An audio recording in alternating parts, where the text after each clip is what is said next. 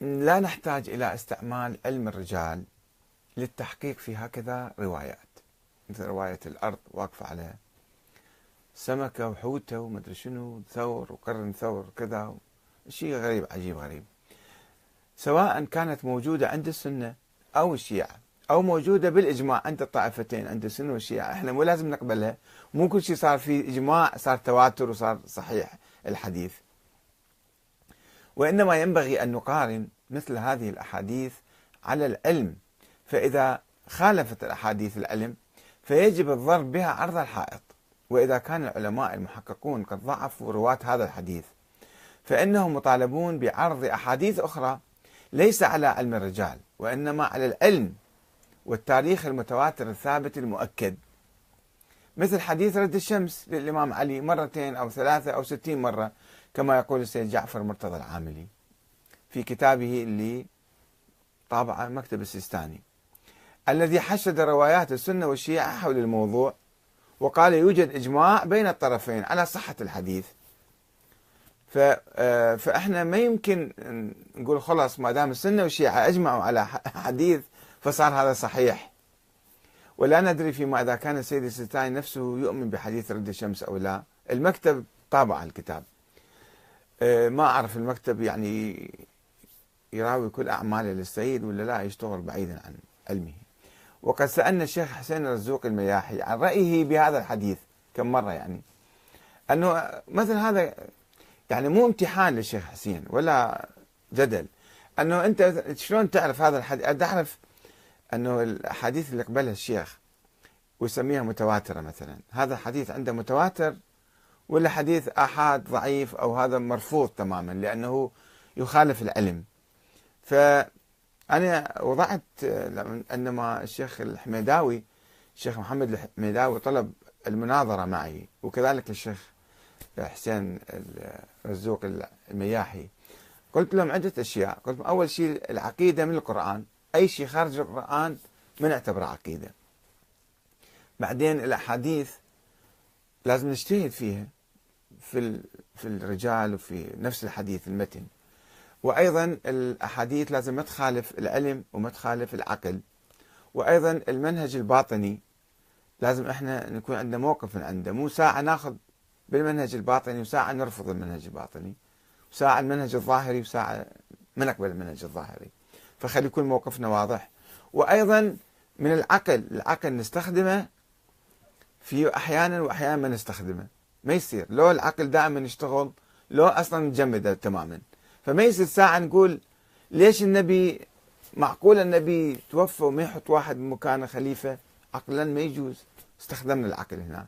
ونجي مرة أخرى نقول شلون معقول الحسن العسكري أو الإمام مهدي يغيب 1200 سنة وما يحط لنا فد امام أو يرشدنا أو يعلمنا أو يتصل بينا معقولة يقول لا لا تستخدم عقلك هنا عقلك حطه بالثلاجه فهنا الكلام أن أي واحد يريد يتحاور خليه يبين موقفه. لذلك أنا سألت الشيخ حسين المياحي قلت له رأيك رجاء أعطيني رأيك مو دا أمتحنه ولا دا أريد يعني أخليه في زهوية حرجة. أقول له أنت رأيك بحديث رد الشمس تؤمن به أو ما تؤمن به هذا شوف هو يعني شلون يؤمن وشلون ما يؤمن. هذا سؤالنا. فلم يجبنا الشيخ كم مرة ونحن ننتظر منه أن يبين رأيه بصورة عامة من الأحاديث التي تخالف العلم والتاريخ التاريخ البشري. رد الشمس إذا حادث القصة حادثة كان كل العالم ذكروها وكتبوها في في التاريخ. فضلا عن أن تخالف العلم هي بس تخالف التاريخ أيضا المتواتر اللي ينفي هالشيء هذا. هسه روايات عند الشيعة والسنة يجمعون عليها نش عليه كلنا نكبها بالبحر هذه هالروايات هذه. فأريد أفتهم كل ساعة شيخ أنا تتحاور وياك وأنا كذا أقول له تفضل أعطيني أسس الحوار أعطيني موقفك من هالموضوع. الشيخ رد الشمس ابرز أبرز مثل واضح جدا يعني ما يحتاج واحد يدوخ نفسه. هل ردت هل ردت الشمس للإمام علي أو لم ترد؟ حتى تفتهم هذا الإنسان واصل مستوى الاجتهاد أو لا بعد مقلد متحجر وما يقدر يعني يفتح عقله ويفكر. إذا واحد مسكر عقله تماما وما يريد يفكر شلون يجي يتحاور ويا أي واحد آخر؟ ويدعي المبارزة هل من مبارز وكذا؟ ما يصير الشكل لازم واحد يكون عنده شوية مستوى نضج من الفكر بحيث يقدر يميز بسرعة. أنها القصة كذب واضحة الكذب بدون تردد. بدون تردد لازم يقول لك هاي الحديث كذب. أما واحد يتردد وميت رأيه وما أدري يسوي دبلوماسية أو يخاف من مكتب السيستاني يزعلون عليه أو أو كذا. أو ليش؟ يعني يقول هذا الرأي حديث سخيف. مثل ما هذا الحديث مال الأرض واقفة على قرن الثور ومدري شنو. راسا قالوا هذا حديث كذب موضوع. طيب حديث رد الشمس شنو؟